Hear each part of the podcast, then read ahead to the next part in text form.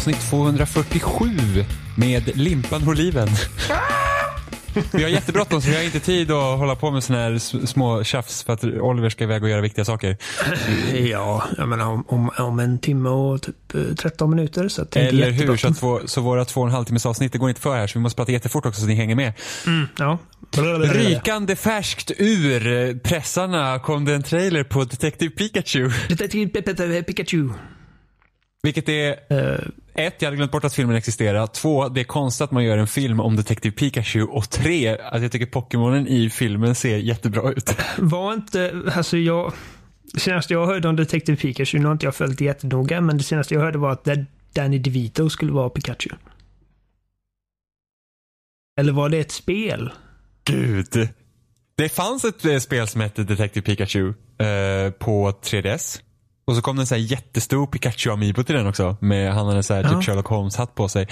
Jag har också ett vagt minne av att Danny DeVito skulle spela Pikachu. Det hade varit bisarrt. För att det, enda jag ser bisarrt.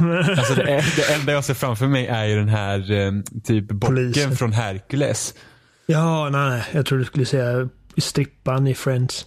Ja, Okej, nej, ja. nej, jag tänker faktiskt på eh, Pikachu Ja, är liksom lite längre. Ja, precis. Det ser jag framför mig då. Jag har inte Ja. jag sett ens engelska Hercules, men det är vad jag tänker på. Var det, var det, Peter, Harry, var det Peter Harrison som var Fille i den svenska versionen? Peter Harrison. Eh, Vet inte han Peter Harrison? Jo, gjorde han. Eller Harry Ja. Peterson. Jag kommer inte ihåg. Nej, Men- men- nej. Petersson ja, hette ja, han men det inte. han, han, han som spelar den jävla bulldoggen i Pelle Svanslös uh, julkalender också. Ja, och eh, han hade ju också Så ska det låta va?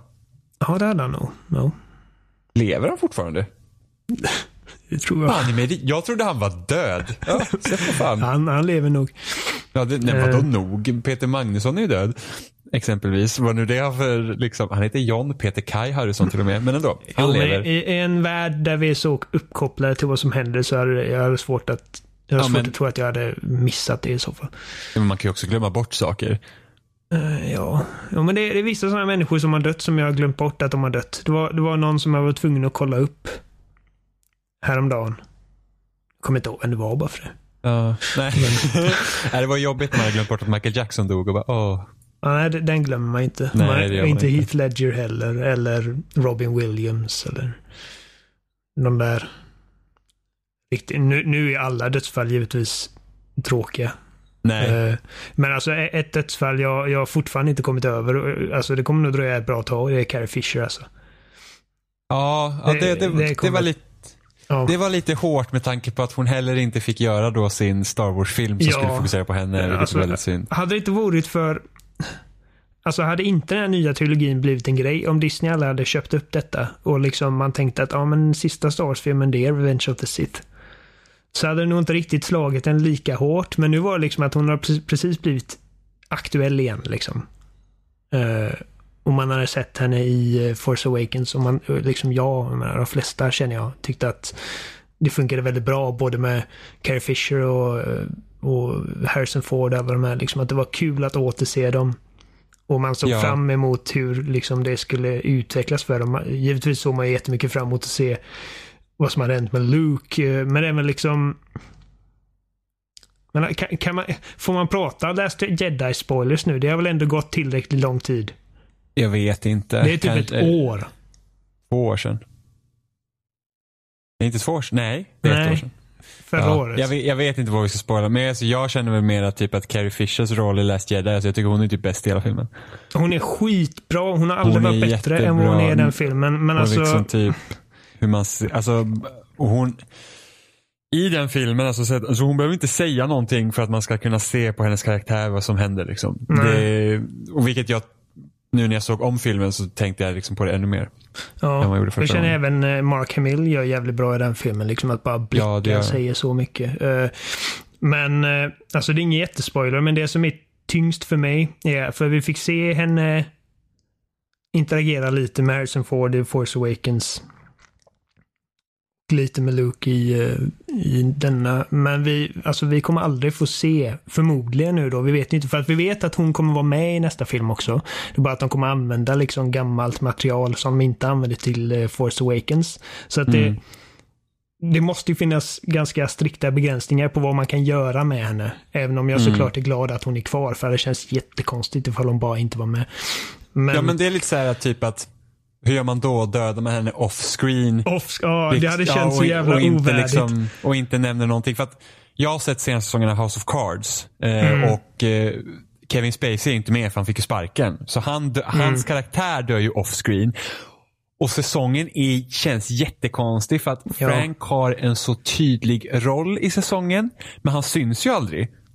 Och liksom alla pratar runt honom och liksom så att han är... Han, alltså, det är till och med som att säsongen utmålar honom som att han inte var den hemska personen han var och de sätter allt på Claire istället, vilket är jättemärkligt. Jag har, jag har inte sett klart. Någon, jag har bara sett första säsongen. Eh, och jag slutade kolla, för jag var ganska sen på den. Eh, och jag slutade kolla ganska ganska snabbt efter att jag uppdagats då att han hade haft massa äckligheter för sig. Mm. För jag tänkte att det där kommer, de kommer inte fortsätta, de, liksom, det kommer inte få ett slut. Så då känner jag, det är ingen idé att jag kollar mer liksom. Eh, Alltså, Eh. Peak House of Cards är första avsnittet på säsong två. Alltså, det kan ja, vara det, en det av de, såg jag. alltså, det kan Jag vara var ett av helt de chockad. Det kan vara ett av de bästa tv-avsnitt jag har sett. Just på grund av, liksom, man tänker här att Frank hela tiden pratar med kameran. I, I de första säsongerna, att man liksom tittade med och sen så är den här nya säsongen och han, han nämner inte han nämner inte, han, han bryter inte fjärde väggen en enda gång. Och man liksom blir såhär, men hallå, vad, vad, alltså, man liksom blir såhär, vad, vad är det som händer? Liksom, vad, har, de, har de glömt bort det som gjorde första säsongen så jäkla bra? Och sen puttar han ju då Zoe Barnes framför tåget. Och man säger Ja, bara, oh my god, shit jag kan inte tro att ja, liksom helt liksom bara sådär out of the blue. Kate och Mara så- är ändå en ganska stor skådis. Liksom. Hon hade Ja, ju en väldigt stor roll i första säsongen. Ja, med tanke på, nu var egentligen tanken att House of Cards bara skulle vara två säsonger, vilket också hade gjort det till en mycket, mycket bättre serie. För att det, det som de faktiskt nystar upp i första säsongen, det tar de egentligen aldrig riktigt tag i sen. Eh, men det är en helt annan diskussion. Men i alla fall. Så han puttar henne framför tåget, han går in på någon toalett eller någonting och tvättar av sig och sen tittar han rätt in i kameran och så bara Did you think I forgot about you? Och så Ja. slutar det. Och jag bara ah! My God! Jag älskar sånt. Ja, det avsnittet, det är det sista jag såg. Ja. Och, men man eh, behöver inte se så här mer. Det är klart. Det är samma sak typ man ska titta igenom Prison Break. Se första säsongen, se andra säsongen och sen slutar man. Det är bra. Jag, inte se jag, mer. jag liksom intalar mig själv lite att det, det får vara färdigt där liksom. Han, han Mm. eh, gjorde sig av med den sista lösa tråden i princip i hans liv. Ja. Ja men säsong Eh. 6 slutar så jävla märkligt också. Alltså Mm. det var till och med så att jag fick liksom så här, jag började läsa artiklar på internet och folk som har typ analyserat säsongen. Så bara, vad fan, vad håller du på med? Och då, och då var det någon som hade en jättebra analys som sa liksom, hur hade säsongen sett ut om Frank hade varit kvar? Eh, och eh, de har säsong 6, den går liksom i de har typ tagit den idén och det händer typ off-screen vilket leder fram till det slutet vi faktiskt får. Så det, det, hela är helt märkligt. Men eh, den säsongen kommer precis ut så att jag ska alltså inte... det blir ju en knepig situation när något sånt där uppdagas med, med en liksom viktig Ja, nyckelfigur i en produktion. För att givetvis så Alltså ett alternativ är ju bara att lägga ner hela skiten och säga bara alltså, alltså ursäkta men så här Men jag- är det och vi känner inte att vi kan var- gå vidare med det. Men Sen är det ju, det är ju massor av människor som är inblandade i de här grejerna och det är liksom massor av pengar satsade på en sån här produktion. Så att det, det kan inte vara det lättaste heller att bara säga men vi skiter i detta Nej, nu. men det var, det var faktiskt Robin Wright som eh, lobbade för att de skulle göra sista säsongen så att inte alla förlorar sina jobb.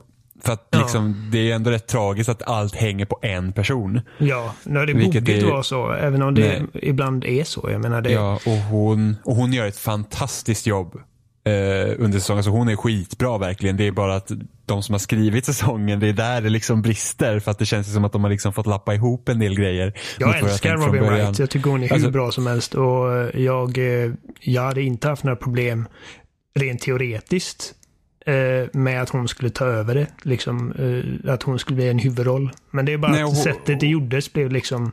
Ja, men hon, det, det, är en helt annan, det blir en helt annan feeling till hur hennes em, karaktär pratar med kameran. Alltså det, blir, det blir en helt annan grej. Men hon, alltså hon har ett sånt jävla bra drop mic moment typ i mitten av säsongen att man typ bara så bara, usch fy fan vad bra det var. Så att säsongen går ju verkligen från att vara typ så dåligt sammanhängande, man fattar typ inte. Seg och tråkig när House of Cards har varit som sämst. Till att ha så här bara, oh my god, jag tror inte att de gjorde det här, fy fan vad bra det är. Till att typ bli så här såpopera. Det är så märkligt. Det är så konstigt. Jag, är liksom så att jag var så här, jag är glad att jag sett färdigt det, men jag känner inte så att jag, skulle inte, jag rekommenderar inte serien, inte jo men ni måste komma fram till den här punkten. Mm. Liksom, att det är verkligen helt konstigt. Ja, alltså jag såg någon i mitt Twitterflöde säga att liksom, sista avsnittet gick och jag insåg inte ens att det var slut. Liksom, ja. Nej men alltså det slutar det så konstigt. Det slutar så konstigt. Man säger bara, va? Alltså det är så många trådar som inte är löst. Mm. Det är liksom bara så att man bara säger what? Hur, hur, va? Hur? så att det känns typ som att det skulle kunna komma en säsong till men det kommer det inte göra. Ja, men det är alltså, det är ja. jättemärkligt. Men sen alltså, som sagt, det jag skulle säga om Carrie Fisher var att det som smärtar mig mest är att hon aldrig kommer få en, liksom, en scen med, med sin son. Förmodligen. Mm. För att det, det, det är ju svårt att göra med stock footage. Liksom. Eh. Ja, om inte de typ har någon sån scen som var tänkt för Last Jedi. Det, ja, det, det är ju möjligt. Då är det tursamt i så fall. Dem. Ja, uh, lyckligt för dem. Liksom. Men det hade varit knäckande liksom ifall, ifall uh, Kylo Ren och Leia aldrig kommer liksom få någon form av closure. Nu vill jag inte att de ska liksom kramas och, och liksom bli sams, utan bara att, att det är någon form av exchange mellan dem. liksom. För att ja. eh, alltså, hans, han fick ju det med sin pappa och det slutade ju som det gjorde. Mm. Och det är ju liksom en av de starkaste scenerna i den här filmen. Mm. Men jag kan ju tänka mig det att någon annan dödar Leia. Och det kommer påverka honom på, ett, på något annat sätt. Mm. Som ja. drar till slutet eller någonting sånt. Vi får se. Men Pokémon. Ja, alltså. Uh, ja. Första intryck. Alltså jag tror ju inte att den här filmen kommer att vara bra. Det, men vad, vad, bra på vilket sätt liksom? Kommer alltså, det vara en inte, alltså- framgångsrik alltså, liksom, familjefilm? Ja men, ja men jo, alltså det är Pokémon, den kommer jo, pengar. Jo men alltså, det, det kom, men, kommer kidsen gilla det? Kommer, liksom, kommer ja. föräldrarna sitta där och bara lida sig igenom? Jag vet, alltså den känns väldigt, jag vet inte, jag tycker tonen är så märklig för att liksom, alltså allas, allas relation till Pikachu är den som vi ser från animen. Utan tvekan. Liksom när du tänker på Pikachu ja. så är det den liksom typen av det är det man tänker på helt enkelt. Och så ser man det här. Jag, jag ser, det där är inte Pikachu, det där är Deadpool. Det är det enda jag ser när jag ser det. det, är liksom, för den är skriven på ett sånt sätt också. Inte kanske lika burdus om man säger så i sin humor. Men det är ju liksom, Ryan Reynolds gör typ samma grej. Han gör PG-13 Deadpool. Den har ju liksom, den har ju mer eh, talang eller så A-list-talang i sig som än vad jag hade räknat med. Alltså för jag, när jag såg Ryan Reynolds är Pikachu, sen har vi killen, han var med senast i Jurassic World, han spelar jag tror det är han i alla fall. Han spelar eh, den mänskliga huvudrollen och sen har vi Ken Watanabe som jag tycker är en jävligt bra skådis också. Uh. Alltså jag är alltid, alltså ända sedan Pokémon blev stort, föreställt mig hur de här liksom varelserna skulle se ut i live action form. Jag får ändå säga att det, det, det, ser bättre ut än vad jag hade väntat mig att det skulle göra. Ja, det, det alltså, är liksom inte att man tittar på det och bara, ja ah, det där är helt fel. Utan man ser vilka Pokémons det är och det är liksom det, det, det, är acceptabelt liksom. Hjärnan accepterar det som, okej okay, det där är liksom, det där är Pikachu, det där är Jigglypuff. Ja, alltså jag hade ju inte haft någonting emot om det är den, åt det hållet som eh, det riktiga Pokémon till Switch skulle gå i hur den eh, monstren typ ser ut. Nu vet jag att det här är CGI Nej. och det är liksom att switchen klarar inte av att göra det sådär detaljerat. Men, men inte, med den, ju... inte med den fidelityn givetvis. Nej, nej, men liksom, men liksom den jag tänker stilen. Mig... Precis, för så som jag vill ha det. Jag vill ju ha en, en, en stor öppen värld alla Xenoblade där Pokémon faktiskt får vara stora. Liksom. Ja. Att är det en stor Pokémon så är det en stor Pokémon. Ja. Och sätt på eh, lite men, fur shaders och skit på dem. Ja, men då liksom... är också frågan så här, hur hade man då ha monstren att se ut? För att det blir lite, alltså Pokémon som det fungerar idag på 3DS till exempel när det är de här 3D-modellerna som är tecknade. Det funkar ju väldigt bra. Men hur mm. gör man det om man liksom blåser upp det så att det inte blir för mycket anime? Eller typ som att om man tittar på det här spelet i Jump Force till exempel som är det här fighting-spelet med olika anime-karaktärer. Där de inte har kört en cell teknik utan det ser ut som plastgubbar som slåss mot varandra för att ja. de ser anime ut med 3D. Då tycker jag att det här är absolut rätt väg att gå. Jag hade inte haft någonting emot om Pokémon skulle se ut sådär på Switch. Nej, absolut inte jag heller. Och jag, jag känner att Alltså jag, jag, kan tycka att det är, det är nog ganska svårt att liksom men de flesta, många är ju liksom ganska tydliga typ. Alltså man, man, känner att Pikachu borde vara lite så här, han borde ha päls. Han ska liksom inte vara typ gul nakenråtta. Nej. Eh, och man, man känner också att, eh, att Charizard ska vara liksom lite fjällig för han är liksom en drake. Samtidigt som i spelen så är det liksom, alltså det är ingen skillnad på den, de texturerna. Det är bara att den ena är orange och den andra är gul. Så liksom, det kanske inte alltid är jättetydligt hur man ska liksom översätta det. Med, med några av dem. Som sagt, vi- vissa bara säger sig själva. Blastoise är ju liksom en sköldpadda i princip. Så att, Mm. eh, alltså, Ja, men du såg ju det, det var ju den här eh, ninjagrodan som inte jag kommer ihåg vad han heter nu. Greninja. Precis, som, som är sist, nu ska vi se, sista utvecklingen från X och Y va? Ja, där. Ja.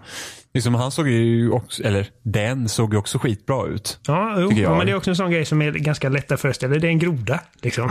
Ja, ja men liksom så att, eh, alltså filmen ser ju bättre ut än vad jag hade väntat mig. Alltså man tänker att det skulle vara typ, alltså men typ Kommer du ihåg Dragon Ball-filmen liksom? Och man var så här, det där ser ju verkligen ut som en gul peruk liksom. Bara. ja, jag har Men- inte sett den, men jag har, Nej, jag har sett heller sett den. Jag har liksom, sett bilder på och- den. Och bara den som spelar som Goku, då blir man verkligen så här, bara, men snälla. Seriöst, inte den människan liksom. Så att, eh, Ja, det är inte alltid det översätts bra. Jag tycker att eh, någonting de gjorde rätt med Death Note-filmen var ju att, alltså, eh, vad heter han? Eh, den demonen. Eh, ja, Ryuk. Ryuk, han, han såg rätt ut liksom. Ja, ja, ja. Och Eh. vilken bra casting. Ja, alltså, Willem Dafoe är som perfekt. gjord för att spela den rollen. Alltså, det är så synd att filmen i övrigt var skitdålig. Ja, Light är ju inte alls samma. Liksom. Nej, men alltså ingen karaktär är typ samma. Inte det är bara Ryuk som heller känns... och- Nej, och liksom så bara typ, ah, vi kan ju inte ha att huvudpersonen är skurken så vi sätter allt på tjejen istället. Och man bara, va? Ja. Nej, bara, kastmanus och Ja, eh, hemskt. bara, det har liksom helt tappat sin charm. Det bara kändes som en liksom random Hollywood liksom typ, Ja, ja, ja, skitdålig. Alltså, eh, tonårstriller. Ja, Men, men Ryuk gjordes bra så att, eh, men sen så har vi ju det på andra sidan aspektet, det är ju det som du sa, typ Dragon Ball och de grejerna.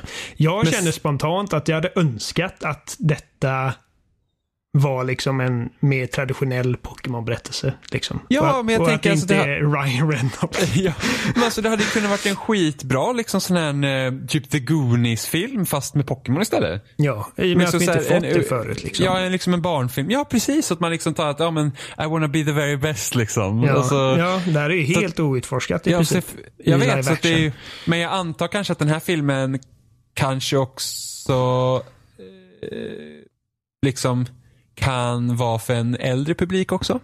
Jo, Alltså, alltså, för det, de som växte de... upp på 90-talet istället för att bara vara för barn. Jo, precis. För de filmerna Eh. finns ju liksom de animerade filmerna. Men samtidigt så, vi är den äldre publiken. Liksom. Ja, jo. Eh, och Ja, jag, alltså, jag jag, kan inte tala för alla i vår målgrupp givetvis, men jag känner att det är nog många som har lite svårt för att smälta att Ryan Reynolds är Pikachu. För när han pratar, för premissen verkar vara det att den här grabben som, som filmen handlar om, eh, han kan höra Pikachu prata. Eh, och det är Ryan Reynolds röst. Alla andra hör Pikachu precis som alla andra hör Pikachu. Och det är en scen när han frågar någon fotgängare där liksom bara hör du vad han säger? Pikachu bara och jag bara där är Pikachu. ja. Det, det är så han ser ut och det är så han låter. Och sen, eller hon, whatever. Och sen återgår han till Ryan Reynolds och bara det, bara, det ser fel ut alltså. Jag, Ja, men det blir jätteko- det är jättekonstigt. För det, som vet, sagt, det är det, som är liksom, ja, det är det som är liksom poängen. Att det ska liksom vara väldigt eh, jarring liksom att okej, nu kommer Ryan Reynolds röst ut ur Pikachus mun. Bara det är liksom på pappret en potentiellt rolig idé. Eh, men, men som sagt, jag hade nog fan hellre sett bara liksom att Ja, någonting lite mer traditionellt. Och det, det, det är konstigt för att vi, vi snackar mycket, vi snackar ofta om att vi, vi liksom gärna ser typ saker utvecklas och vi vill se nya grejer. Och vi, vi har ju länge pratat om att vi hoppas på att Pokémon som spelserie snart gör någonting drastiskt.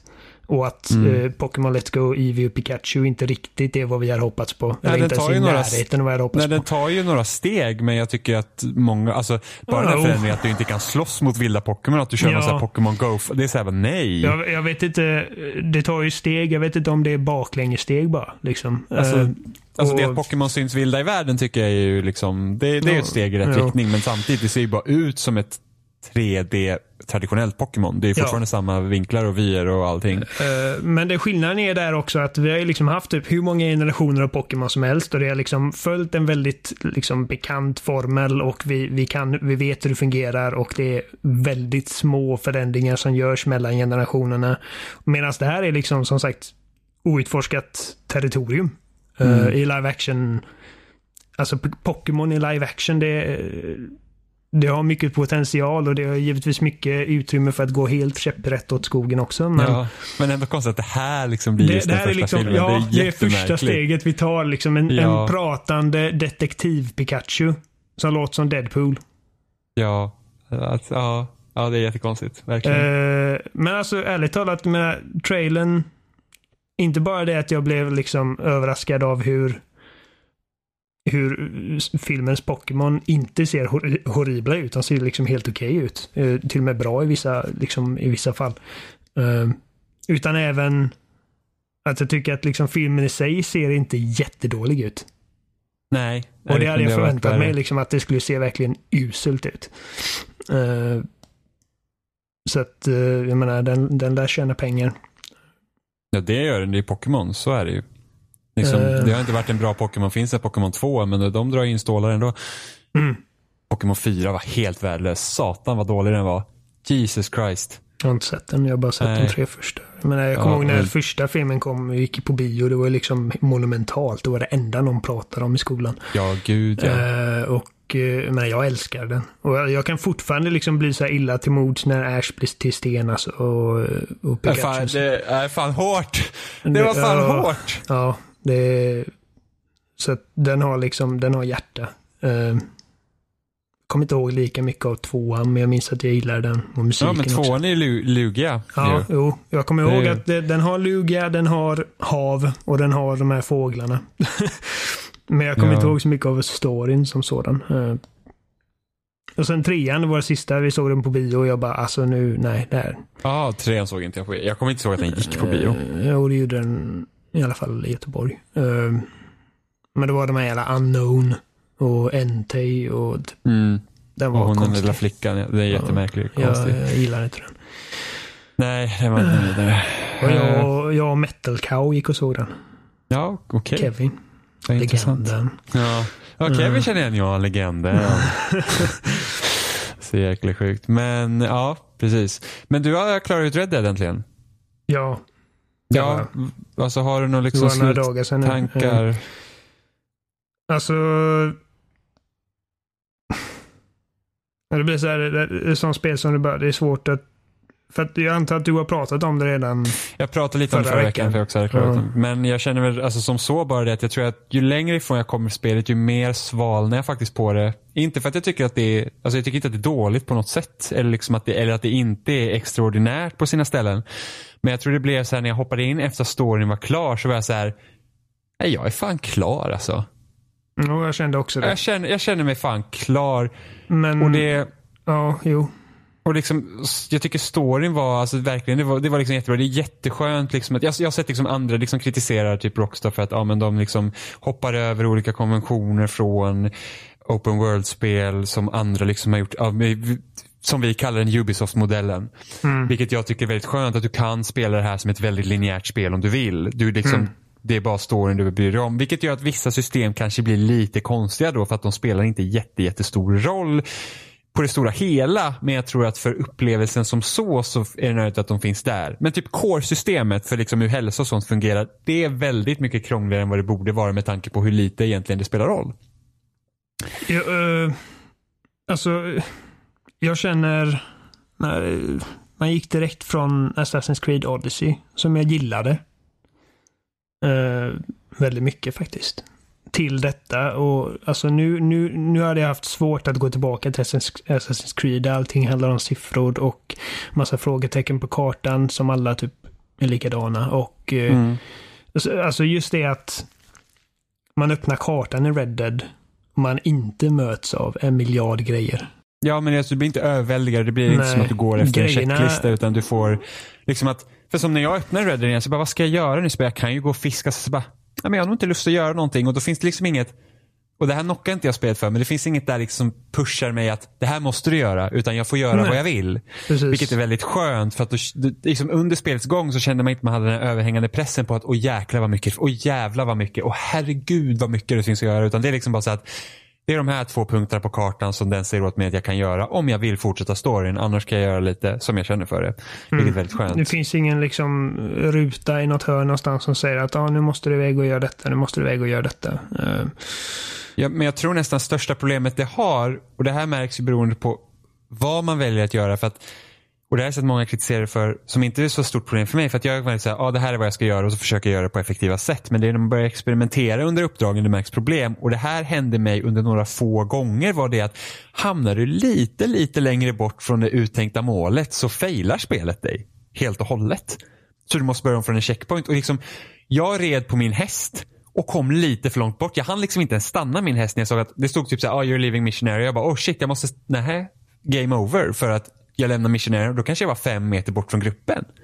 Vilket blir så här att det är ett väldigt cyniskt sätt liksom att, att, att designa sina uppdrag på. Att du behöver bara gå så långt bort för att spelet bara ska säga att klapp, eh, slå dig på fingrarna och säga att nej men så där får du inte göra.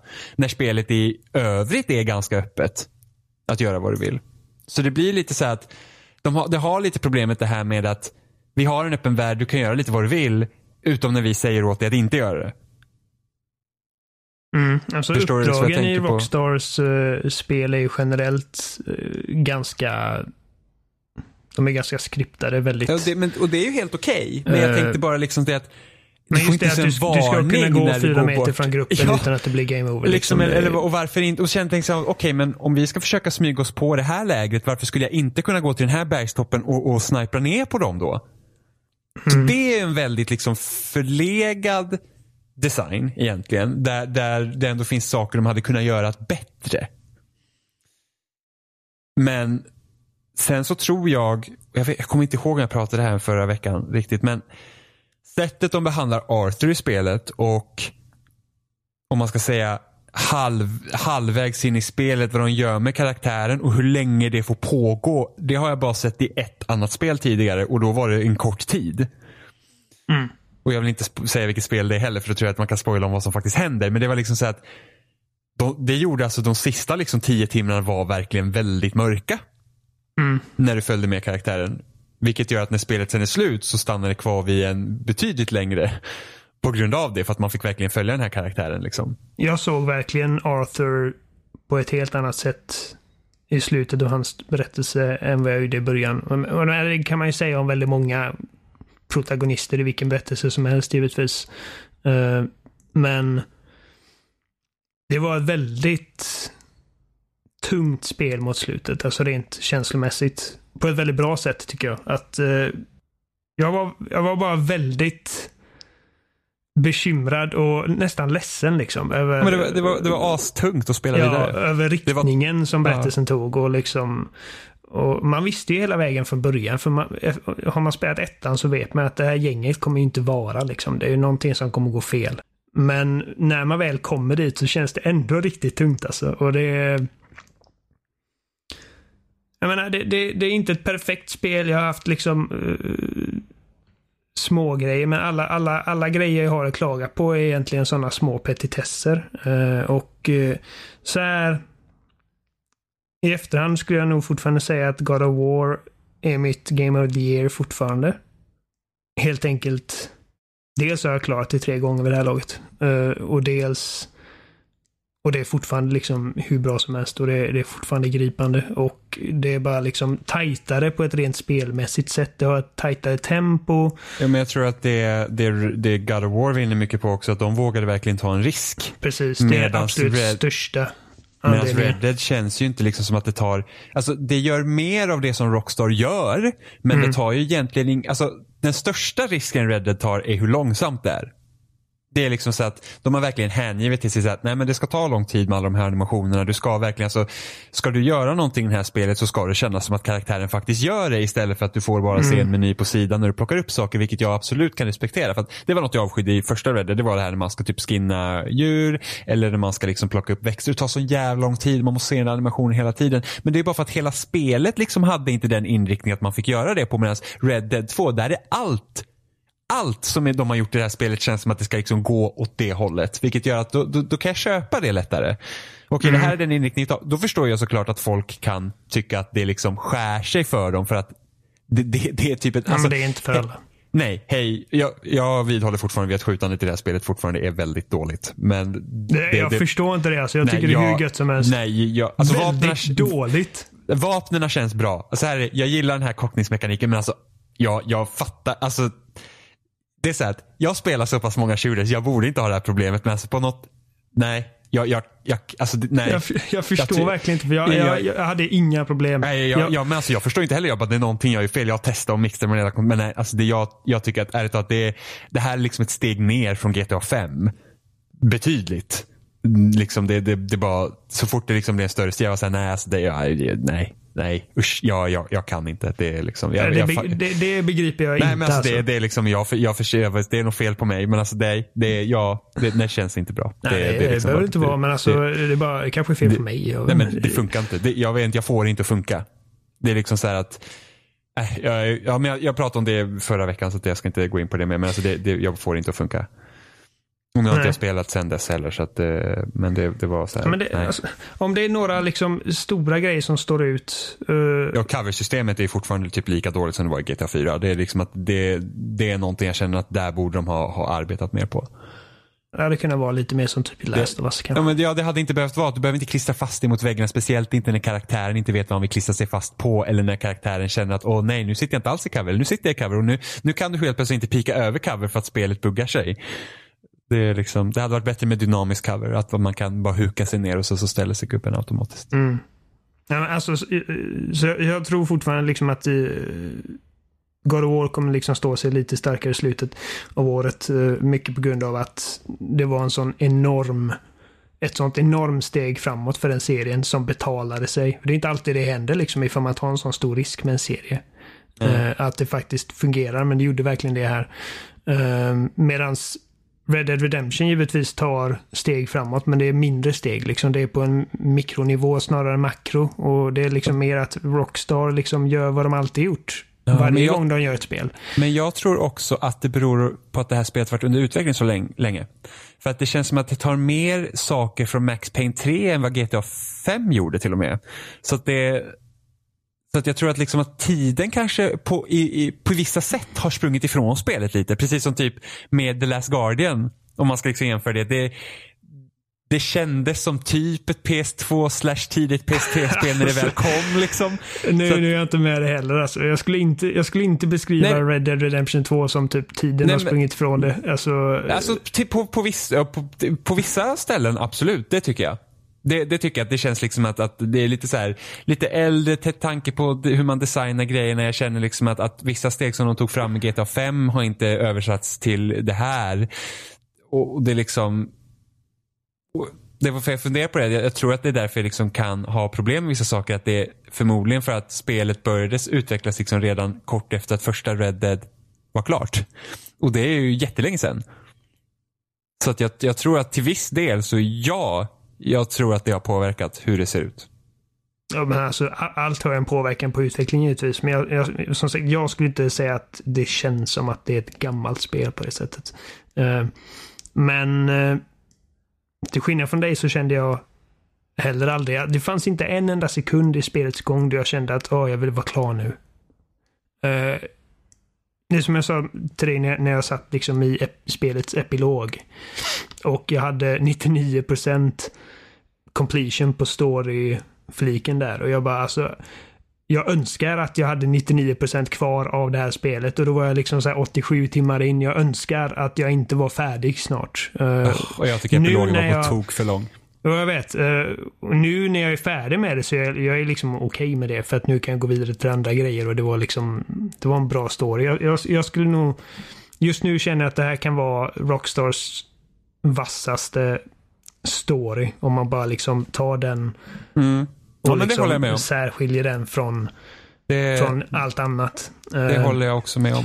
Men... Uh... Den, den, den var liksom, den var modig i liksom hur den ut Uh, hur den utmanar liksom tempokonventioner och uh, Och den, den slog verkligen till väldigt starkt. Eh, Ja, men den kändes mer som en säsong av en tv-serie snarare än en film. Till exempel. Om man ska ta den jämförelsen.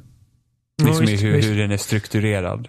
Ehm, Man kan ju säga att varje chapter i spelet är som en sorts säsong. Eh, Ja, och sen, men det, det som jag sa förut, liksom att du inte har massa eh, typ anonyma frågetecken på kartan. Grejerna som är värda att upptäcka finns fortfarande där i världen. Det är bara att de inte är utplacerade så att det känns inte som att det är någonting som alltid kommer vara där när du, när du kommer dit. Utan det, det känns som att du organiskt upptäcker någonting hända i världen. Eh, mm. som bara en sån liten grej som att när, när, när man är liksom ganska nor- långt norrut i världen så Hörde du någon gång liksom någon som ylade som en varg men det lät inte som en varg?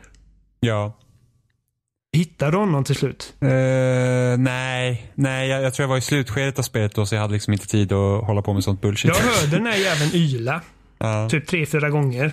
Och jag försökte hitta liksom ursprunget från det här, till det här ylandet. Jag bara, jag vet inte. Men sen sista gången så ser jag det och då vänder jag mig om och så är det liksom mellan typ två träd så är det en spritt språngande naken man. Som står där. Och börjar springa därifrån och jag bara, alltså det här är... Nu, den här jäveln har liksom varit och stakat mig hur länge som helst. Jag måste få reda på vad som, vad som ligger bakom detta. Så jag jagar efter honom. Mm. Eh, och han visar tydligt att han vill inte ha med mig att göra. Han, han springer som fan. Men jag lyckas eh, spåra honom in i en grotta. Och då sitter han längst in i den här grottan med två vargar framför honom som skyddar honom. Mm. Och han bara Leave me! Och jag bara oj. Vad är detta liksom? Och jag, och jag, och jag stod där och liksom siktade på de här vargarna redo liksom att försvara mig. Även om jag ville inte skada dem. För att, ja, ja jag är snäll. Och precis när jag börjar backa ut ur för att jag stod och stirrade på den här, det var så bisarrt. Jag stod och stirrade på den här liksom scenen ganska, i några sekunder innan jag liksom, okej, jag kommer inte få reda på någonting här om jag inte är redo att liksom döda de här vargarna. Så jag började backa. backa. Och då anföll de mig. Så då var jag tvungen att döda dem. Eh, och den här mannen bara faller ihop och skriker hysteriskt. Ungefär som att har mördat hans barn. Mm. Liksom. Jag bara, jag försöker få kontakt med honom liksom med interaktionssystemet men det går inte. Han är helt otröstlig. Bara ligger där näck och skriker och gråter. Eh, så jag går in lite djupare i grottan och hittar en dagbok liksom, där han har skrivit. Och då får man liksom en lång jävla backstory till hur han har hamnat där. Och hur han hittar de här två vargarna som valpar efter att deras mamma hade dött. Och hur han har liksom växt upp med de här. Och så fick jag så här fruktansvärd jävla ångest över att jag hade dödat de här valparna. Uh, och så när jag ska gå ut så är han inte kvar och då blir jag angripen av honom bakifrån liksom när jag och då var tvungen att döda honom också. Då kände jag mig som ett jävla rövhål liksom. Han var helt rabiat. Och det är massa sådana små minihistorier som händer liksom på, liksom på ett organiskt sätt i världen. Liksom. Att det, det är inte det att jag har sett en, ett frågetecken på någon karta och sökt mig dit för att se vad det frågetecknet betyder. De här grejerna bara händer liksom. Eh, och många gånger kan Arthur liksom skriva upp det, markera det på kartan. Eh, som, jag hittade ett litet skjul eh, typ sydväst om Braithwhites eh, Manor där de har låst in eh, någon släkting som har, jag menar missbildat eller någonting och liksom och de typ gömmer den här personen för att de är liksom för högt ansedda för att ha missbildningar i familjen. Och så hade Arthur liksom markerat då den, den delen. Bara liksom här, här, har, här har de sin hemlighet. Och massa sådana grejer. Så att jag har nog aldrig liksom verkligen känt att jag lever i den här världen i ett open world-spel på det här sättet. Så pass till den vida grad att jag inte hade några problem med att varje gång jag kom tillbaka till lägret göra massa jävla chores, hugga ved, eh, flytta på säckar bara för att jag känner att ja, men det är det jag känner att jag är skyldig de här människorna. Och det kändes inte som att det var liksom någonting som spelet tvingade mig att göra. Det kändes inte som att Åh, det här är det här tråkiga jag måste göra för att komma till nästa. Det jag ville göra de grejerna för att jag ville vara uppskattad av mitt gäng. Och det roligaste, jag kom till den punkten att jag bara, jag ser i den här jävla legend att jag bidrar absolut mest pengamässigt till det här jävla lägret. Så ni kan fan hugga er egen jävla ved. så jag sket i det efter ett tag. Nej, det gjorde inte jag. Alltså aldrig. Och speciellt Ja, efter... för mot slutet då när allting Ja, börjar liksom gå åt helvete. Men, det var så här att nej, vet du vad? Jag, jag är den som drar in mat, jag drar in jävla pengar. Jag ser hur jävla snåla ni andra är så ni kan fan hugga ved alltså. ja, ja. Fast det var ingen som klagade heller på att jag inte gjorde de sakerna just för att jag bidrog. Faktiskt. Eh, nej. Eh, så att, ja, alltså jag tyckte, jag tyckte spelet var hur bra som helst. Det är bara liksom att eh, kan jag övertyga dig om att det är typ årets spel? Ja, nej, jag vet inte, men det, det spelar heller ingen roll. Alltså detta Nej, nej, måste inte vara liksom det bästa spelet som det- någonsin har det- släppts. Det är det jag tycker är lite tråkigt. Eh, och det här har vi pratat om innan. Hur liksom spelmedia ställer sig liksom till Rockstar-spel som att det ska liksom vara spelet för generationer redan på förhand. Mm. För att redan den inställningen kommer ju såklart påverka betygen också. Inte för att jag tror att folk är oärliga, men redan när du har den peppen på gång. Istället för att faktiskt ta spelet för vad det är och sen kolla vad som funkar och inte funkar. Sen har inte jag någonting emot att folk ger det tio år. Det får man absolut göra för att det är ett fantastiskt spel. Det tycker jag också. Men någon återhållsamhet får man väl ha med tanke på hur många andra många bra spel som släpps under året. Att man kanske inte behöver liksom lyfta till skyarna där man slänger mest pengar om man säger så. Det är bara, Mm. det, jag, jag känner bara liksom att, att inställningen till kritiken borde väl kanske utveckla sig mer än att oh my god vi är så hypade liksom. Det är så svårt att säga exakt eh, det ena eller det andra med sånt. För jag vet ju att det finns ju säkert fall då jag har uppskattat ett spel mer bara för att jag har liksom varit väldigt sugen på det från början. Men det, det, jag kan säga samma sak om motsatsen. Liksom att eh, jag har haft så höga förväntningar på någonting att det inte riktigt nått de förväntningarna. Typ som Metal Gear Solid 5. Jag var helt säker på att det här, skulle, det här kommer bli typ ett av mina favoritspel någonsin. Det finns, jag har sagt det flera gånger, alltså, det finns inte en chans i helvete att detta spelet inte är liksom det bästa sen uh, skivat bröd. Eh, och eh, jag menar, jag kommer ihåg hur sugen man var på Assassin's Creed 3 liksom och, och hur det skulle bli där liksom Ja, ja, mästerverket i den Precis, serien men och så det- bara men föll det att- pladask. Men där hade man också hoppats på att det skulle vara ett steg framåt för serien men det var ju bara mer av samma. Och många Och gånger sämre mycket gjort sämre. dessutom. Precis, och då, då kan man ju se det på, och ja. Ja, så att, så att det, Eh. det, ja såklart det kan ju liksom slå, men samtidigt som Metal Gear Solid 5 fick ju också otroligt många tior. ja. Så att liksom, ja det är väl liksom inte hela världen liksom om folk tycker att ett spel får så höga betyg, men jag tycker att det är lite tråkigt för, det, för att den bästa kritiken kommer ju komma om några månader. Och man ser ju redan nu liksom att folk, alltså det är liksom att alla hyllar inte på det sättet. Och sen så är det såklart alla arga fans som inte klarar av att folk inte gillar sitt favoritspel. är liksom eh, trist. Men, Men det, sen var det ju många tio på även Metal Gear Solid 5. Det fick Ja, hur många tio som helst. ja men det var ju det jag sa. Ja. Okej. det, ja. jag sa ju det, det, liksom, det fick ju hur många tior som helst. Så att Ja. eh, det, Jag tror det du sa är liksom... GTA... Jag, du, jag tror du sa Ja, jag GTA kanske 5. sa GTA 5. Jag menar Metal Gear Solid 5 i alla fall. så Okej, att om ja. jag sa fel nu så då, då är det ju mitt fel. Men jag menar Metal Gear Solid 5. Det fick ju otroligt många tior. Det är liksom när typ IGN Ja, gör sina ja, listor om bästa spel. Liksom, det är så att oh, Metal Gear Solid 5 är fantastiskt. Liksom. Och då ser man ju bort från kanske de problemen som finns. Jag tror såklart- bara, det handlar nog mycket om, I just det fallet handlar det nog mycket om att de inte hade tillräckligt med tid. För att Men är det. recensera det. här spelet. Jo, men det Eh, tror jag också när det liksom kommer typ till Final Fantasy 15. Att, att många som recenserade kanske inte kom förbi den öppna världen och trodde liksom att ja, men resten av spelet är likadant och sen så ändras ju spelet karaktär helt. Mm. Så det, det, det är ju blir det svårt. en korridor-shooter istället. Ja, det är ju svårt med de långa spelen. Så att eh, det, det, det är liksom, recensioner är ju färskvara. Alltså vill man ha riktig kritik så kan man inte göra det kanske på en vecka utan, eller några dagar utan man behöver ha längre tid på sig och därför blir det ofta intressantare när andra texter om spel kommer efter ett tag. Alltså jag läser sällan recensioner numera på grund av den anledningen. Jag läser Nej, jag liksom, jag läser andra artiklar om spel för att jag tycker att det är intressantare. Men samtidigt är det liksom att det är ändå ett bra samtal att ha ibland. Liksom, hur man förhåller sig liksom till spel. Alltså med typ en av mina favoritskribenter liksom från USA, han försöker ju vara så att när han vet att han ska recensera ett spel, då försöker han att inte kolla in någonting i spelet innan så att han inte vet om på förhand vad liksom det ska vara så att han inte har höga förväntningar eller för låga förväntningar så att han ska gå in så neutralt som möjligt. Och det, är, det är omöjligt att vara helt neutral. Men man kan i alla fall göra det bästa. Man kan ju försöka. Rockstar sitter i en sån jobbig sits att de är Rockstar. Och Jo, jo. de liksom förväntas skita ut tior varje gång de gör någonting. Och Jo, men liksom- ifall de inte liksom släpper årets bästa spel det året så kommer folk sitta och argumentera för hur, vilket misslyckande det är. Jo, Fast men- när, om samma spel hade släppts av eh, en helt okänd studio så hade vi kanske haft en annan, annorlunda diskussion. Ja, absolut, så är, det, så är det absolut. Men samtidigt så sitter jag här och jag tycker fortfarande inte att Rockstar har gjort årets bästa spel på, jag vet inte hur länge. Så att liksom, inte för att de gör dåliga spel, men liksom det finns problem med dem om man säger så.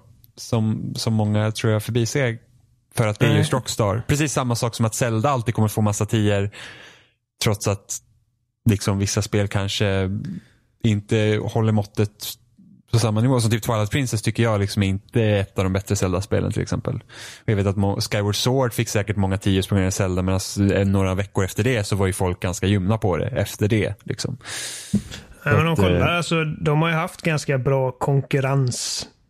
Det, för att Rockstar är inte den enda studion som sitter och gör bra spel givetvis. Och eh, Jag tror att God of War är definitivt en av de liksom AAA-spelen som kan vara ett hot för dem när vi kommer till Game of the Year snacket. Inte bara här utan givetvis överallt. Uh, mm. Och GTA, och sen så GTA 3 eller 5 släpptes ju 2013 så var liksom bara enorm AAA, alltså Last of Us och mm. Bioshock Infinite och även Super Mario 3D World som inte du och jag tyckte var jättebra men som många tycker är liksom det bästa Mario-spelet mm. som har gjorts i princip. Men, det, men samtidigt så liksom, men titta, då tittar man också bara på AAA-spel men liksom branschen är ju så mycket större, alltså det finns ju så mycket, mycket mer spel som också så liksom är kanon, som är skitbra som folk inte riktigt pratar om för att det är inte typ AAA-spel. Vilket också är mm. tråkigt. Jag har svårt så, för att prata om det där för att jag spelar inte så mycket indiespel. Nej, jag vet. Jag och, spelar ju eh, massor. Så jag, jag, har, jag, jag, liksom, jag sitter och på ärligt det. talat, jag är inte lika intresserad av sådana mindre spel. Jag menar, alltså jag spelade, vad heter det, det senaste som, som var liksom riktigt sån här indie-darling som alla snackade om att det var typ det mest fantastiska, uh, Edith Finch.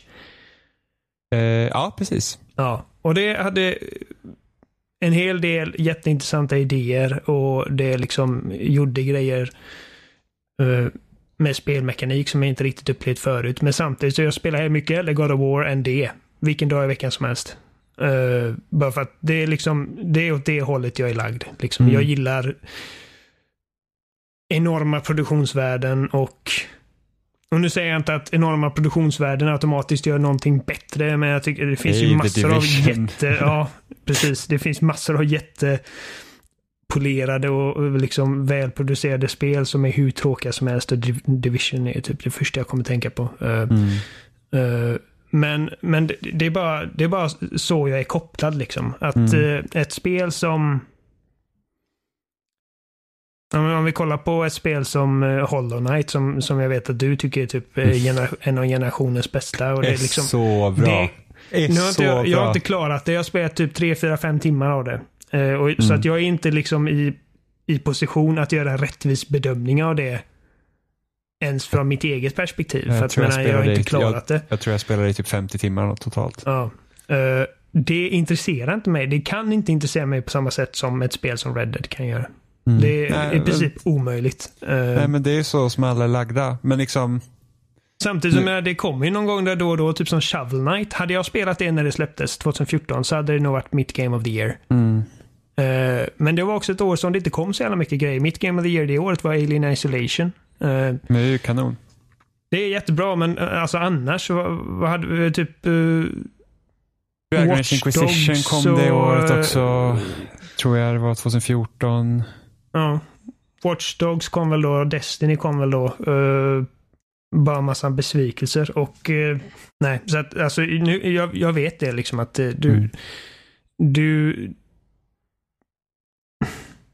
Alltså, Nej, nu vill inte jag säga någonting om dig bara för att... För att nej, men alltså mitt intresse i spel ligger ju helt... Alltså jag är ju så intresserad av vad man kan göra med mediet och liksom jag ser vilken otrolig potential det finns i det.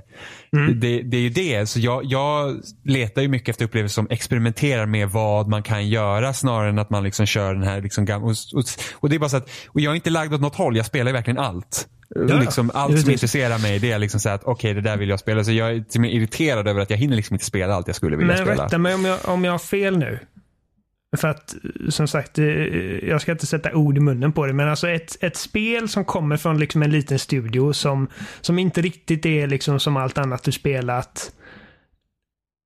Det kommer ändå slå hårdare för dig än någonting som är lite mer traditionellt AAA, liksom Alltså, corporate det- typ. Alltså det beror ju på för att hur, hur för ofta känner jag liksom att Det är bara det, det intrycket jag fått. Nej, för att det mindre utvecklare kan ofta ha, så att de har liksom en idé och de brukar ofta hålla sig till den och göra den bra medan en AAA-studio ofta kommer med olika konventioner som känner att de måste ha med för att det är AAA-spel. Så om man tittar på Assassin's Creed, det ska liksom göra så mycket saker. Det ska liksom ha typ 80 timmar av fluff. För att det liksom ska räknas som ett bra spel, vilket är liksom bara så här. Ja men alltså du vet, det är bara så här att Ser ni inte allt det här? Det, det här är ju dåligt. Det är ju dåliga saker som hamnar med i spelet bara för att det ska finnas massa saker att göra. Så det är inte värt någonting. Medan du kanske har typ, som man tar spel som till exempel Night in the Woods. Där liksom, det är ett dialogdrivet, liksom, typ open world-spel i 2D. Liksom det, och det, det det gör där, det gör det så himla bra. Därför slår det liksom också hårt för att de kan fokusera på den saken. Medan andra spel liksom bara så massa onödiga grejer. Och det är väl någonting jag tycker liksom är kul med Red Dead. Var att det, inte, alltså, det finns onödiga saker där men inte onödiga i den bemärkelsen att jag måste göra onödiga saker för att komma vidare. Utan jag kan välja vad jag vill göra. Vilket jag tycker är väldigt skönt att de har gjort. Till, till skillnad från Assassin's Creed där man under en punkt i spelet hamnar att göra att det här måste du göra för att du kommer inte vidare annars. Vilket är helt onödigt egentligen för att komma vidare i storyn. Nej. Eh, Alltså, jag bara tycker det är så... Det, det knepiga med mig när vi pratar om Red Dead mm. och andra spel av den magnituden. Det finns ju inte många, men alltså det händer ju. Eh, Så blir det liksom att när man ska prata om det så känns det alltid som att man försöker liksom att man utgår från att okej, men är det verkligen det bästa som någonsin har hänt?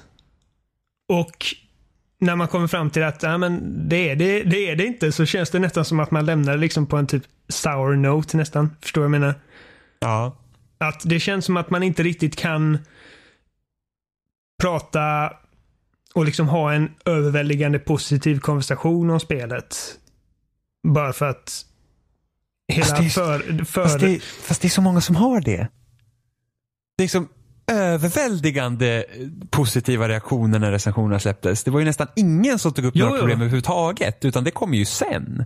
oh, nej, nej, men jag, jag känner mer liksom när vi, när vi pratar om det. Liksom. Ja, precis. Eh, Men det är ju bara, men så, så går jag ju nästan in att alla. jag, jag, alltså jag älskade spelet. Jag hade liksom, som sagt, jag, jag kände aldrig att jag, bara, nu måste det fan ta slut. Ja.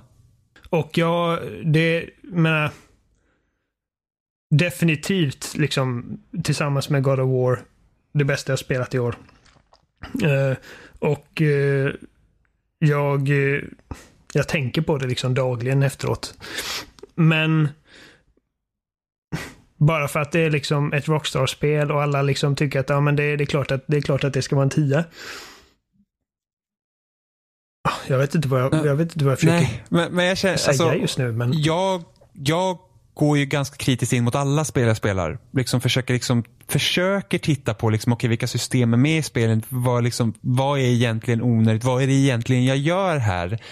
Eh, och det är inte lätt alla gånger såklart. Eh, och speciellt inte, liksom, speciellt inte en så här ganska storydrivet spel som Red Dead för att det blir ju att dras ju med i historien och då är det lätt att se förbi saker för att det är engagerande på ett helt annat sätt. Och jag tycker ju om Red Dead men jag tycker liksom att man måste också kunna se kritiskt på det. Så gör jag med de flesta spel. Sen så kan jag veta att när jag kommer att prata om Hollow Knight, jag bara ah, det är så himla bra bla bla. Men det är bara för att Hollow Knight försöker inte göra så mycket olika saker heller. Utan det gör Nej, sin det grej gör och en gör grej det och det gör det bra. Precis, och det är liksom med Hollow Knight känner jag liksom att det är så här folk måste ha känt när de spelar Super Metroid första gången. Och det spelar jag ju mycket senare, så jag får ju liksom inte den samma känslan när jag spelar Super Metroid. Jag tycker att Super Metroid är ett bra spel. Men det är inte den här liksom att, åh gud, det var den här världen och bla bla bla bla. För att det var kanske första gången folk hade sett det då. Medan jag känner att det gör Hollow Knight skitbra. För att den världen är så väldigt bra sammanhållen. Att det är liksom så här, man bara, oh, gud, det här är liksom, alltså jag kan inte tro att det är typ bara två personer som har suttit och gjort det här spelet. Eller hur många de nu var. Det är ett skitlitet team i alla fall. Man bara så här, wow, för en hundring så har de gjort det här liksom spelet. Det, det är liksom, eller ja, det var inte vad det kostar att gjort spel, men liksom det kostar hundra spänn. 100 kronor. Det var liksom 100 kronor kostar spelet. Man måste bara, oh my god, det här är ju liksom, det här är ju nivå på vilket, alltså, om man nu tänker sig att Metroid, eh, Metroid det här Samus Return som kom förra året som kostade 500 spänn liksom, så tänk, ja. Och så ser man Hollow Knight som jag känner liksom att det är ett bättre spel med hästlängder. Liksom bara så här, bara, det kostar 100 spänn. Det är liksom helt galet De hade kunnat ha mycket mer betalt för det. Så att det, men det, det är liksom, ja, det, det, det är lite olika. Men sen jag, eftersom jag har ju också läst mer kommunikationsvetenskap så att jag, jag, jag har ju liksom fått en utbildning bakom mig också där jag försöker liksom se på medier annorlunda. Och just det att jag har ju också linat in till vad spelmediet gör med människor. Liksom, som min C-uppsats handlar om liksom, hur skapar man gemenskap via spel. Liksom, hur tänker man på det redan på ett produktionsplan. Så mm. att det blir liksom, jag, jag, jag kommer ju den synpunkten också att liksom jag ser ju vad, och, och liksom inte bara att du och jag känner ju varandra helt och hållet på grund av vårt gemensamma intresse. Liksom. Vi blev kompisar via Left 4 Dead. Så att ja. det liksom, det, det, det är liksom jag, håller, jag tror jag håller med det till en högre standard jag bara önskar att fler borde göra det också. Speciellt när man tänker typ sidor som IGN då som så stor läser så hade man ju hoppats att de liksom skulle våga göra lite mer med vad de har. Det, det är ju det. Det är bara så, jag tycker att det är tråkigt. För jag känner, mm, jag, liksom att det är liksom, vi, skulle, vi skulle kunna göra, nu, nu, och det är inte bara så att oh, IGN gör inte så finns det inget bra utan det finns ju otroligt många, alltså Waypoint är en jättebra sida om man vill läsa olika perspektiv eh, på liksom spel och liksom försöka hitta liksom andra infallsvinklar. Och sen förstår jag, det finns ju säkert de som spelar spel men jag vill bara veta hur spelet är. Fine.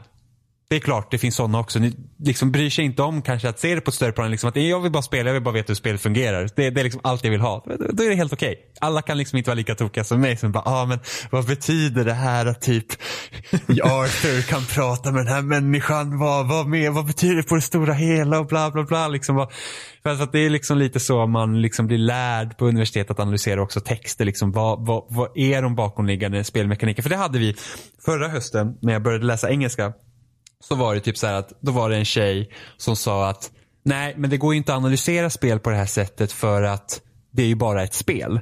Och då tar det ju eld och lågor i mig för att då är det inte nog med att liksom, då ser man bara förbi ett helt medium som att det inte liksom spelar någon roll. Hur analyserar man ett spel? Liksom, hur ska man göra en diskursanalys för ett spel? Och det är så här, bara, jo men alltså ska man analysera liksom spelmekaniker i spel så, så kan man liksom se, det finns ju där en anledning. Vad betyder det på det stora hela? Men ta liksom ett spel som Call of Duty, serien under Modern Warfare-tiden liksom kommer ur en era efter 11 september där Mellanöstern målas ut som liksom skurkar och att vi mestadels i First Person Shooter hamnar i Mellanöstern och dödar liksom folk därifrån.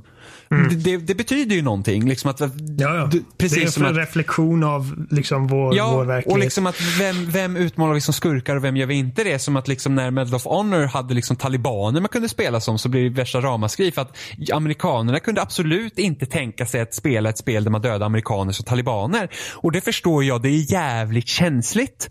Men sen vet jag också att många amerikaner kan liksom inte se att hej, kanske skulle vi spela ett militärt anpassat spel där vi inte spelar som amerikaner som är hjältarna.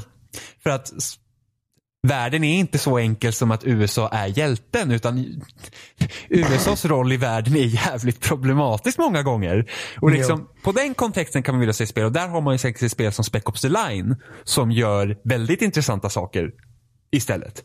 Så att det går ju. Sen, att, sen att alla spel inte kan analyseras på samma sätt, det, det är en annan femma. Liksom. Men, men det, det, är liksom, det, är sånt, det är sånt som jag försöker tänka på när jag liksom spelar. Eh. Om jag ändå hade vetat det när jag testade demot för Spec Ops Line vad, ja, vad det hur? spelet egentligen eller skulle hur? handla om. Alltså man tittar på typ titeln och man bara Spec Ops, ja. The Line, vad fan betyder ja, men, det? Och det mycket så här liksom run of the mill shooter som ja. helst. Man spelar demot och bara såhär, alltså, det här är... in och man bara, alltså det är typ en on-rail sektion och man sitter i en helikopter på en minigun och bara spränger så. Man är i någon öken någonstans. Ja, och det, det här har man liksom spelat hur många gånger som helst. Grafiken är inte ens jättebra. Det, liksom, det finns ingenting med gameplayet som står ut som att, det, det är som vilken liksom mest den mest grundläggande liksom cover ja, ja, ja, ja, Och sen så spelar man riktiga spel. Man har såhär, wow. Alltså de vågar faktiskt göra saker som ingen annan har gjort Det är ett extremt modigt spel. Och det, är liksom, det, det framgår inte nej. ens i de första typ två, tre timmarna i spelet. Nej, nej. Att Men det är något bara... speciellt som händer. Och liksom det att du har val i spelet som spelet inte berättar för dem att du har. Utan ja. du får prova själv. Och alltså det liksom... spelet är faktiskt lite av ett mirakel. Det, det, I, ja, speciellt under vilken kontext det kom ut också. Ja, liksom. att de hade sådana enorma liksom typ det gömde sig så mycket spännande skit där under den tråkiga coverarten, ja. under den liksom tråkiga covershooten. Uh, och de, de, de, de, de, de marknadsförde det inte som vad det faktiskt var. Nej, förstår Nej och, och det förstår jag varför, för då tar man ju bort liksom ja, hela poängen med det. De litar liksom på att, men, vi får bara hoppas på att folk spelar detta och förstår ja. själva. För om vi måste förklara poängen för dem, då förstör vi hela skiten. Ja. Så att alltså det spelet, att det ens existerar, det, det är inte vanligt liksom att man Nej. ser en sån grej. Nej, det var ju verkligen så här, typ att när, när det kom i laddningsskärmen och så första gången bara, do you feel like a hero yet? Och man var så här bara, what the fuck, vad är det som Mm. Så om, om, händer? om det är någon som lyssnar på detta och inte har spelat det, och det, det är nog rätt många som inte har spelat detta. Mm. Jag tror det finns på Game Pass, har funnits kanske. Ja, det vet jag inte. Nu blir osäker. Men alltså, det kan inte vara svårt att få tag på egentligen. Nej.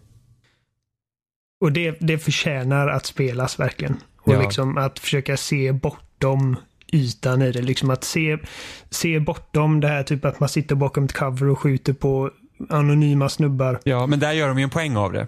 Liksom att det är den här Ja, liksom, jo, typ men det framgår inte Nej, precis. gång, Men det är liksom. liksom poängen med det. Liksom, att det är så här det är helt enkelt. Mm. Det är Eh. verkligen en gut punch det spelet. Ja. Men innan, innan vi slutar, för att jag ser att du måste börja gå iväg. Så vill jag bara säga, jag har spelat Tetris Effect. Ja, jag har varit så jävla sugen och det, alltså Tetris är, alltså, jag har här- aldrig det var- varit ett Tetris-fan alltså. jag älskar ju Tetris. Jag tycker Tetris är helt fantastiskt. Så att eh, för mig var det ett ganska enkelt köp överlag. Men liksom, det är Tetris, det är det. Men liksom Mm. Ja. att det är ju Tetsuya Miseguchi som har gjort det. Så att han, när han gör spel så blandar han ju alltid in musik i det. Liksom att du har från Res, Child of Eden, ehm, Lumines. Jag Det såg liksom- ett klipp på Twitter. där Liksom, typ, det här är coolaste liksom, användningen av dynamisk musik jag någonsin sett och det är ett jävla Tetris-spel. Ja, nej, men alltså det är liksom så att så att du spelar egentligen låtar i spelet. Alltså du har ju liksom vanliga Tetris och sen så är det en låt till varje bana helt enkelt. Som ändrar sig under tiden du spelar och varje gång när du liksom släpper ner de här. Tetris-blocken. Ja, Mm. så, så, så, så har den ljudeffekter som, som synkar ihop med låten helt enkelt. Så att det låter som det gör låter. Så att den här videon som, som du såg, det var ju jazzbandet. Så att du Mm. har så de här Tetrisblocken, det är ju pianot du spelar. Så att du, du sätter ner de här eh, Tetrisblocken och så spelar det pianoslinga och liksom det börjar från att bara vara liksom ett pianosolo till att liksom urarta sig och bli liksom fullskalig liksom storbandsjazz. Helt enkelt. Vilket är skithäftigt så att varje bana är ju liksom som en musikalisk upplevelse helt enkelt. Alltså, Typ att samma den här trailern som visades på eh, E3 liksom med den eh, Connected heter den låten.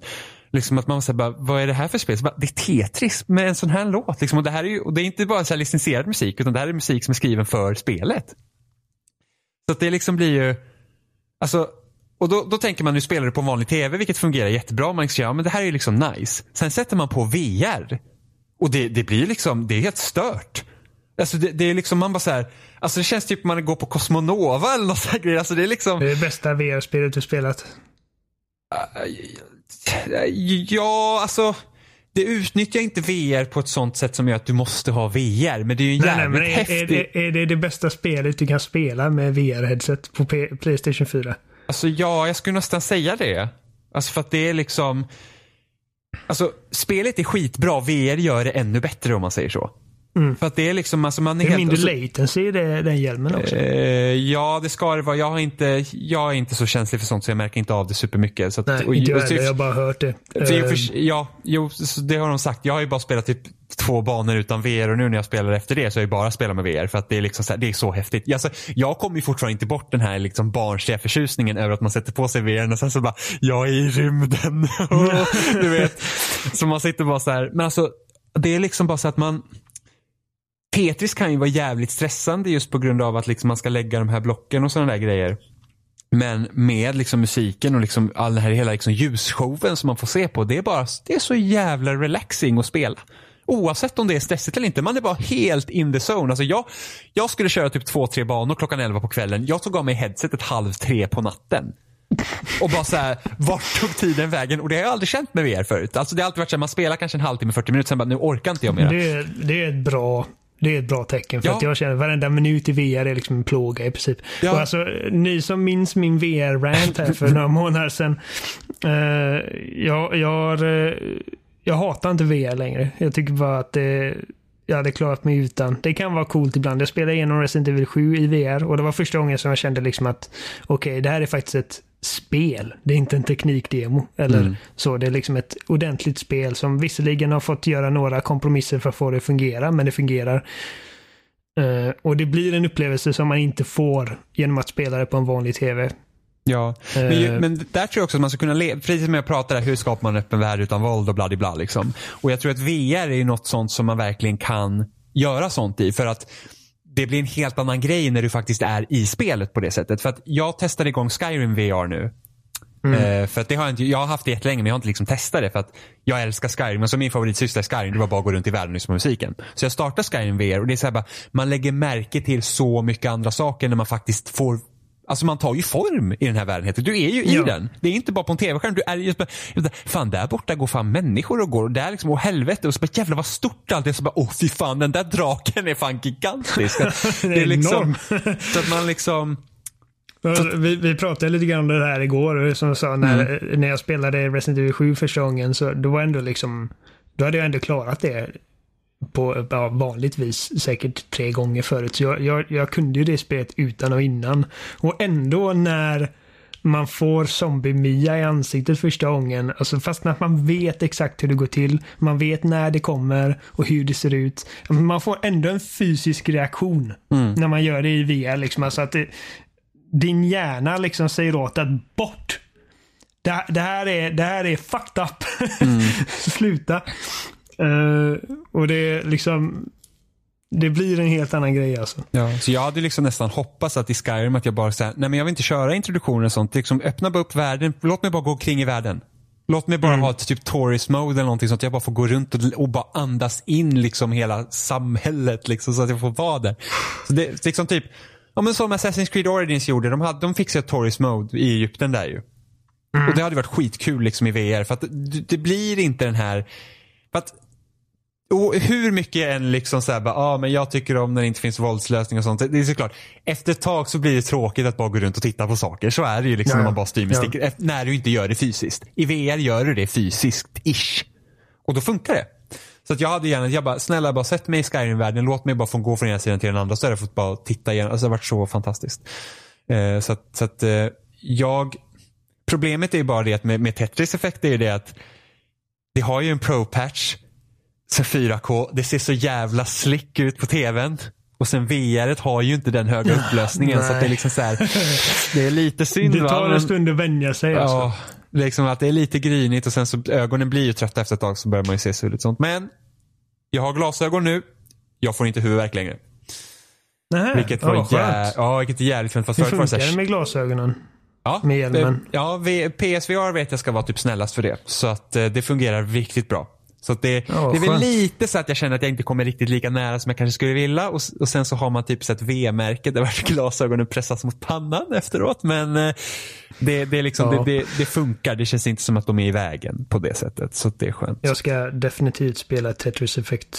Ja, Någon alltså det, och det, musiken är alltså det är helt, alltså det är helt fantastiskt. Liksom. Det, det är verkligen så här, wow. Det är en upplevelse. Det är liksom som att det här är som ett nöjesfält att gå till och spela Tetris i.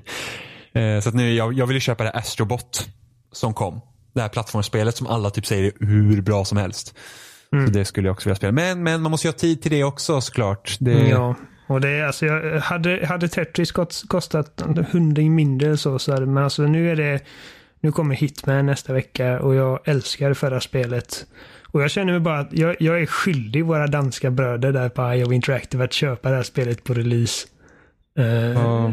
Eftersom att de, de, de har brutit sig loss från Square Enix och de lyckades bibehålla Men det var ju schysst att Square Enix lät dem hålla Hitman. Ja, de fick, man- de fick behålla Hitman Ja. och nu liksom... Ja, jag vill, jag vill bara skicka lite pengar åt dem. Ja. Men eh, vi började in ut om tid så det var allt vi hade för den här veckan. Ja, Ja, så att eh, ni hittar dem som vanligt på spesnat.com. Där finner ni också länkar till alla andra ställen vi finns på som YouTube, iTunes, din favoritpodcast-app förutom Spotify för att av någon anledning får vi inte hamna där. Eh, vi finns också på loading.se som vi har vårt typ hem, andra hem på. Så surfa in där och kommentera. Vi finns också på Twitter, ett spelsnackpodd. vårt home away from home. Precis, Spelsnackpodd på Instagram. Jag tror Spelsnack Podcast heter vi på YouTube. Och vi finns också på Twitter som oss själva som Oliver på att Oliver Thulin och att Separat13 där ni också kan skriva frågor till oss som ni vill att vi ska diskutera. Hör gärna era egna tankar om hur ni ser på spelmediet som vi pratar om i, i det här avsnittet. Ja, Och- mycket, mycket rum för, eh, för diskussion Ja. om vad vi har pratat idag. Det var en riktigt bra podd idag tycker ja, jag. Ja, men så liksom, hur, hur ser ni på spelandet? Är ni sådana, ni vill bara spela för att ha kul, vilket är helt okej okay, liksom? Eller vill, tycker som ni också Oliver. liksom att, precis, är ni så tråkiga som Oliver? Så bara, oh my ni gosh. rötna i skallen som Ja, Oliver. alltså- Bara vill skjuta skallen av folk. Kapitalistiska svin. Doom är liksom the pinnacle. Ja, men Doom är skitbra. Det är liksom inte så. Ja, men det, det, är ju så, det är också sånt spel som gör en grej och gör det jävligt bra. Ja, men så är det. det är liksom, Doom är asbra. Men så har man Ja. typ, så har spel som Wolfenstein som tycker jag är liksom kanon på helt andra sätt. Liksom också vad den vågar göra Mm. med karaktärerna. Så det är bra. Men det är det, var tur allt. att det finns olika spel alltså. Ja, ja men mm. den här, alltså, nu med indiespelen som är så lätt att eh, släppa sina spel så får, har vi en, hur mycket olika upplevelser som helst. Ja. Jämfört med liksom, tidigare år där man kanske typ Mm. hade Alltså jag gick igenom typ vad släpptes 2008 och så här indiespel. Så var typ så Braid, World of Goo. Ja, jäm, Ja. liksom så jämsides med alla Ja, andra så releaser. Och sen så tänkte man typ nu så här bara, ja, det släpptes tre spel förra veckan jag skulle vilja spela. Hmm, fuck me right? så, Shadow Complex var någon sorts indie-revolution för mig. Det var liksom när jag, när jag fick upp ögonen för det här med digitala mindre spel för ett mindre pris. Eh, för mig Eh. var det en artikel i Superplay om The Unfinished Swan när det bara var på typ eh, konceptstadiet. Det var så att, hej, du har en helt vit värld. Du måste måla den med svart färg för att komma vidare. Och jag bara så här, det där är fan intressant. Och sen så började jag liksom läsa indiesektionerna i speltidningarna som jag tidigare bara hoppat över. Jag eh, spelade typ en timme och sen bara, alltså jag orkat. Alltså jag, jag, jag tyckte inte heller, jag tyckte inte det spelet var jättebra. Jag spelade inte heller Men klart det det. lät jättecoolt Men på det var, det var ett jättebra koncept. Och sen deras Edith Finch, alltså uppföljaren av Edith Finch var ju betydligt bättre tycker jag. Jaha, är det samma utvecklare? Yes. Ja, Giant. Sparrow. Så att eh, de, de vågar göra saker med, med liksom mediet. Och eh, Simogo är sån, liksom mobil, som har gjort mobilspel.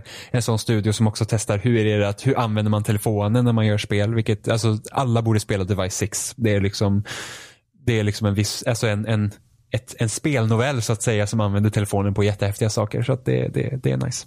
Simogo, har inte de gjort de här Rolando-spelen? Nej, det, är- det är Yearwalk, eh, Sailor Dream, Device 6, Bumpy Okej. Road. så att det är lite olika. just det, Bumpy Road. Eh, Split gjorde de också tror jag. Ja, nej men nu är klockan 58 och du ska vara iväg om två minuter. Så att vi tackar Ja. för oss den här veckan innan vi kommer in på en till tangent. ja, det är gött. Det är gött. Det är gött. Ja, säger vi hej då. Hej då. Hej.